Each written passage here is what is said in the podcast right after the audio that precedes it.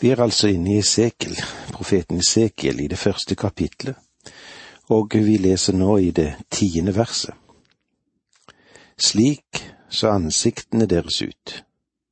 De hadde menneskeansikt foran, og alle fire hadde løveansikt på høyre side, okseansikt på venstre side og ørneansikt bak. Disse fire ansiktene de kan du sammenligne med det som står i Åpenbaringen fire, seks til åtte.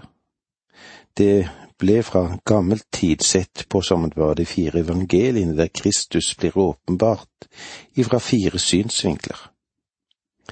I Matteus, hans kongeverdighet er et symbol ved løven.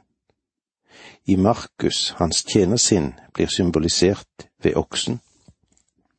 I Lukas, hans fullkomne menneskelighet blir symbolisert ved et manns ansikt, og Johannes, hans guddom, blir symbolisert ved den flyvende ørn. Disse fire skapningene minner om den beskrivelse vi har av den kirub som var i Edens hage for å vokte veien til livets tre.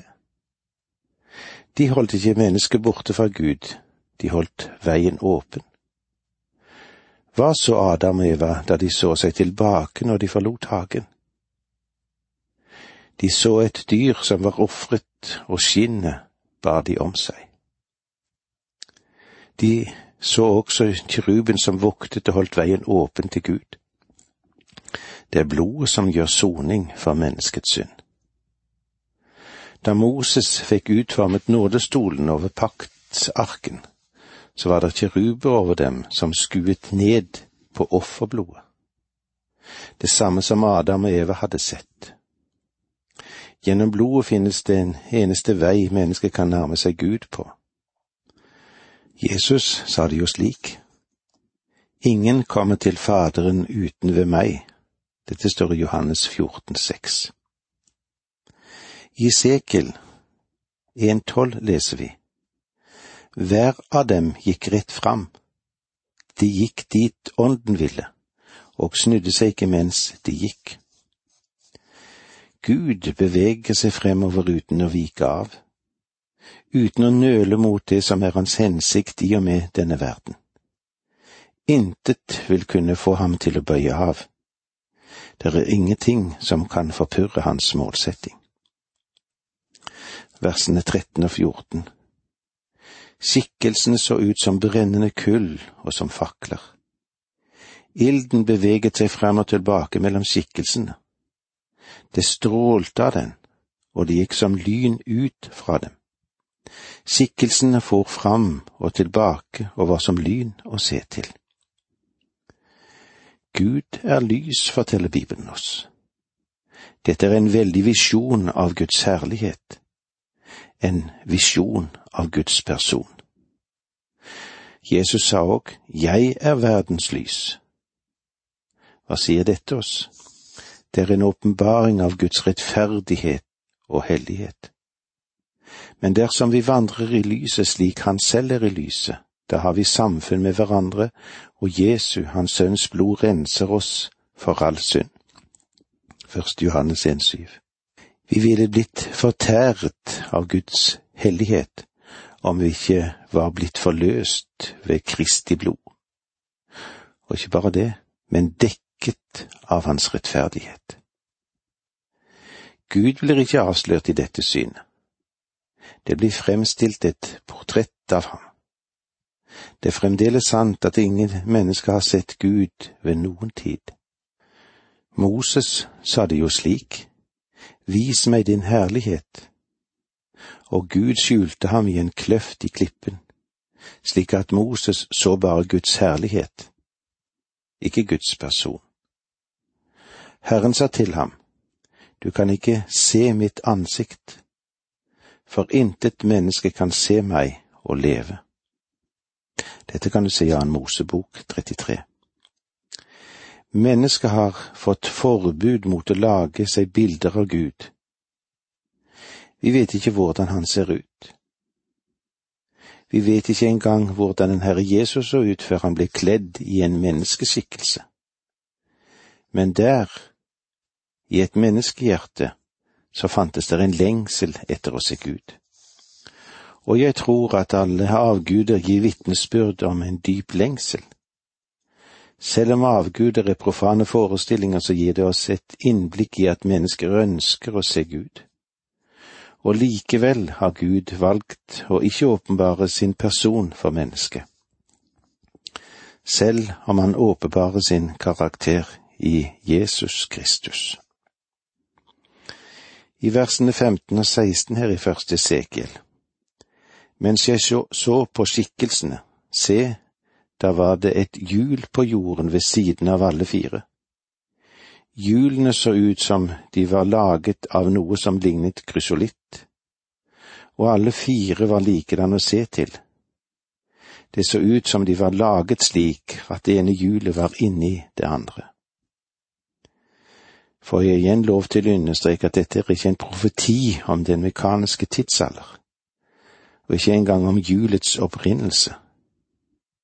Vi må lese litt videre for å få forståelse av hva disse hjulene inni hjulene egentlig er. Vers 18 Hjulringene var høye og skremmende, og det var fullt av øyne rundt om på alle fire hjulene. Gud er en Gud som har en intelligent målsetting. Du og jeg lever ikke et univers som driver inn i fremtiden uten mål og mening. Gud har en hensikt med hvert enkelt atom som han har skapt. Han har også en hensikt for deg og meg òg. Den har han i sin plan, og den har han i sitt program. Bare det faktum at du og jeg er levende i dag, sier oss at vi skal oppfylle noe av Guds hensikt. Gud utvikler sin hensikt også i dagens verden med en kløkt som ligger langt over det mennesket er villig til å erkjenne. I versene 19 og 20 Når skikkelsene gikk, gikk hjulene ved siden av dem, og når skikkelsene løftet seg fra jorden, løftet hjulene seg også. De gikk nettopp dit hvor ånden ville, og hjulene løftet seg sammen med dem, for skikkelsens ånd var i hjulene. Nå kan vi mer se, se klart for oss at disse hjulene taler om Guds uoppslitelige aktivitet og energi. Vår Gud er allmektig. Jesus sa, Meg er gitt all makt i himmel og på jord. Gud beveger seg fremover, og han vil nå sine mål. I åpenbaringen fire leser vi gjennom disse fire levende skapninger som Esekiel har i sin visjon. De er satt til å vokte Guds trone. Og gjennom denne oppgaven fullbyrde de to ting. De vokter tronen på den måten at de ikke tillater mennesket sin synd å komme fra Guds åsyn. Og det andre, de antyder den vei mennesket må følge for å kunne komme. Jeg vet ikke om du husker sangen som vi av og til synger, bare korsets vei leder hjem til Gud og jeg må den veien gå. Kjerubene viser veien. Men jeg tror at Esekiel så noe som var langt større. Han så kjeruben fare over verden og formidlet barmhjertighet og nåde. Dette lille snø, støvnugget som flyr gjennom rommet, det som vi kaller vår jord. Noen har sagt at mennesket er ikke noe annet enn en flekk på skallet av et ubetydelig liten planet. Men Gud gjorde hele denne verden til en nådestol da Kristus døde her. Og Gud våker over denne verden i dag, klar til, ja, til enhver tid å ta imot den synder som vil komme til ham gjennom Kristus Jesus. Versene 26 og 27. Høyt oppe over denne hvelvingen var det noe som lignet safirstein. Det hadde form som en tronstol, og på det som hadde form som en tronstol satt en skikkelse. Den var som et menneske å se til. Fra det som syntes å være hoftene på den, og oppover, så jeg noe som lignet skinnende metall, like som ild med en ring omkring, Fra det som syntes å være hoftene og nedover så jeg noe som lignet ild, omgitt av en strålende glans. Og med det sier vi takk for nå, må Gud være med deg. Dette undervisningsprogrammet består av to deler.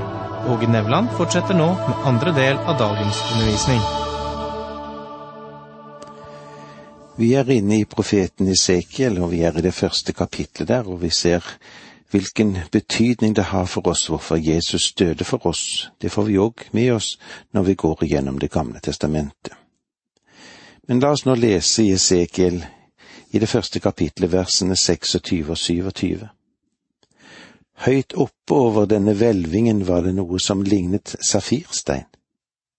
Det hadde form som en tronstol, og på det som hadde form som en tronstol satt en skikkelse. Den var som et menneske å se til. Fra det som synes å være hoftene på denne oppover så jeg noe som lignet skinnende metall. Like som ild med en ring omkring. Fra det som syntes å være hoftene og nedover så jeg noe som lignet ild, omgitt av en strålende glans. Jeg ser her en ravfarget trone i det asurblå, en safirbesatt trone som glimter som diamanter, og med farger som regnbuen. Lyset blender og fordunkler. Tronen er full av energi, som en rakett som tar av. Den beveger seg som en karat. Den forlater ikke jorden den kommer til jorden. Jeg ser kiruben over verden. Jeg ser et kors. Jeg ser et lam, og jeg ser blodet. Jeg ser en nådestol. Der finnes nåde hos Herren. I Romerbrevet 9.15 så skriver Paulus til oss på denne måten. Han sier til Moses, jeg viser miskunn mot den jeg miskunner meg over, og er barmhjertig mot den jeg forbarmer meg over. Det blir også sagt at den som synder skal dø. Esekiel 1820. Gud sier til oss, ikke bare til Israels hus, men til hele verden. Dere kan komme til meg. I Esekiel 1.28. Synet av glansen omkring var som synet av regnbuen når den viser seg i skyen en regnværsdag. Slik var synet av Herrens herlighet. Da jeg så det, kastet jeg meg ned med ansiktet mot jorden. Jeg hørte røsten av en som talte. Slik var synet av Herrens herlighet. Esekiel som mer enn Moses så. Esekiel så mer enn David. Han så mer enn Jesaja eller Daniel så det. Han så et syn av Herrens herlighet. Ikke hans person, men hans herlighet. Det var et sterkt Guds nærvær der. Da den Herre Jesus Kristus kom til denne jord og tok en menneskeskikkelse på seg, ble hans herlighet bare sett som fragmenter. Men Esekiel, han så Herrens herlighet. Da jeg så det, kastet jeg meg ned med ansiktet mot jorden. Dette synet hadde en veldig virkning på Esekiel, og det burde også ha den samme virkning på oss. Gud, det er ute med meg. Jeg er tapt, og jeg trenger deg. Jeg vender meg til deg og tar imot deg. Vi møter det til stadighet i Det gamle testamentet at når mennesket kom inn for Guds åsyn, hva skjedde da? Jo, de kastet seg ned på ansiktet. Dette var også sant om Jesaja som sa, Ved meg, der ute med meg. Jeg er en mann med urene lepper jeg bor blant et folk med urene lepper, og mine øyne har sett Kongen, Herren allhers Gud, som det står i Jesaja 6,5. I nærvær av Herren fant denne mannen bare en brukbar stilling. Langflat på jorden med nesen ned. Den samme stilling den inntok Daniel også. Det var det samme som skjedde med Johannes på Patmos. I åpenbaringen 1.17. Og da jeg så ham, falt jeg ned for ham som død. Hvilket bilde av den hellige Gud har vi ikke her? Jeg må si at jeg står bare i utkanten, og jeg er takknemlig for det skjult i klippens kløft. En gang skal jeg se min frelsers ansikt. Jeg vet ikke hvordan han ser ut, men det jeg gjør, jeg ser frem til den dagen når jeg skal få lov å se han som han er. Vi går nå over i kapitlene to og tre. Et kall til profeten og en ikledning av kraft til tjeneste. I det første verset i det andre kapitlet i Esekiel leser vi slik. Han sa til meg, menneske, reis deg opp på føttene, så vil jeg tale med deg. Det virker helt klart at etter det synet Segel hadde, så klarte han ikke å stå. Men han falt ned på sitt ansikt. Nå kommer han til å motta et kall og en oppgave og en kraft for denne oppgaven som Gud har kalt ham til. Menneske. Gud tiltaler ham som menneske, eller menneskesønn.